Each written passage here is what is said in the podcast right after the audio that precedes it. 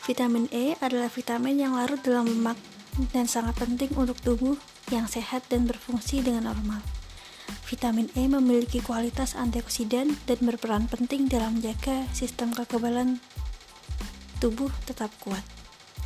Kekurangan atau defisiensi vitamin E adalah kondisi yang cukup langka, tetapi bukan tidak mungkin Kondisi ini bisa menyebabkan masalah kesehatan yang berpotensi lebih serius bila tidak diatasi.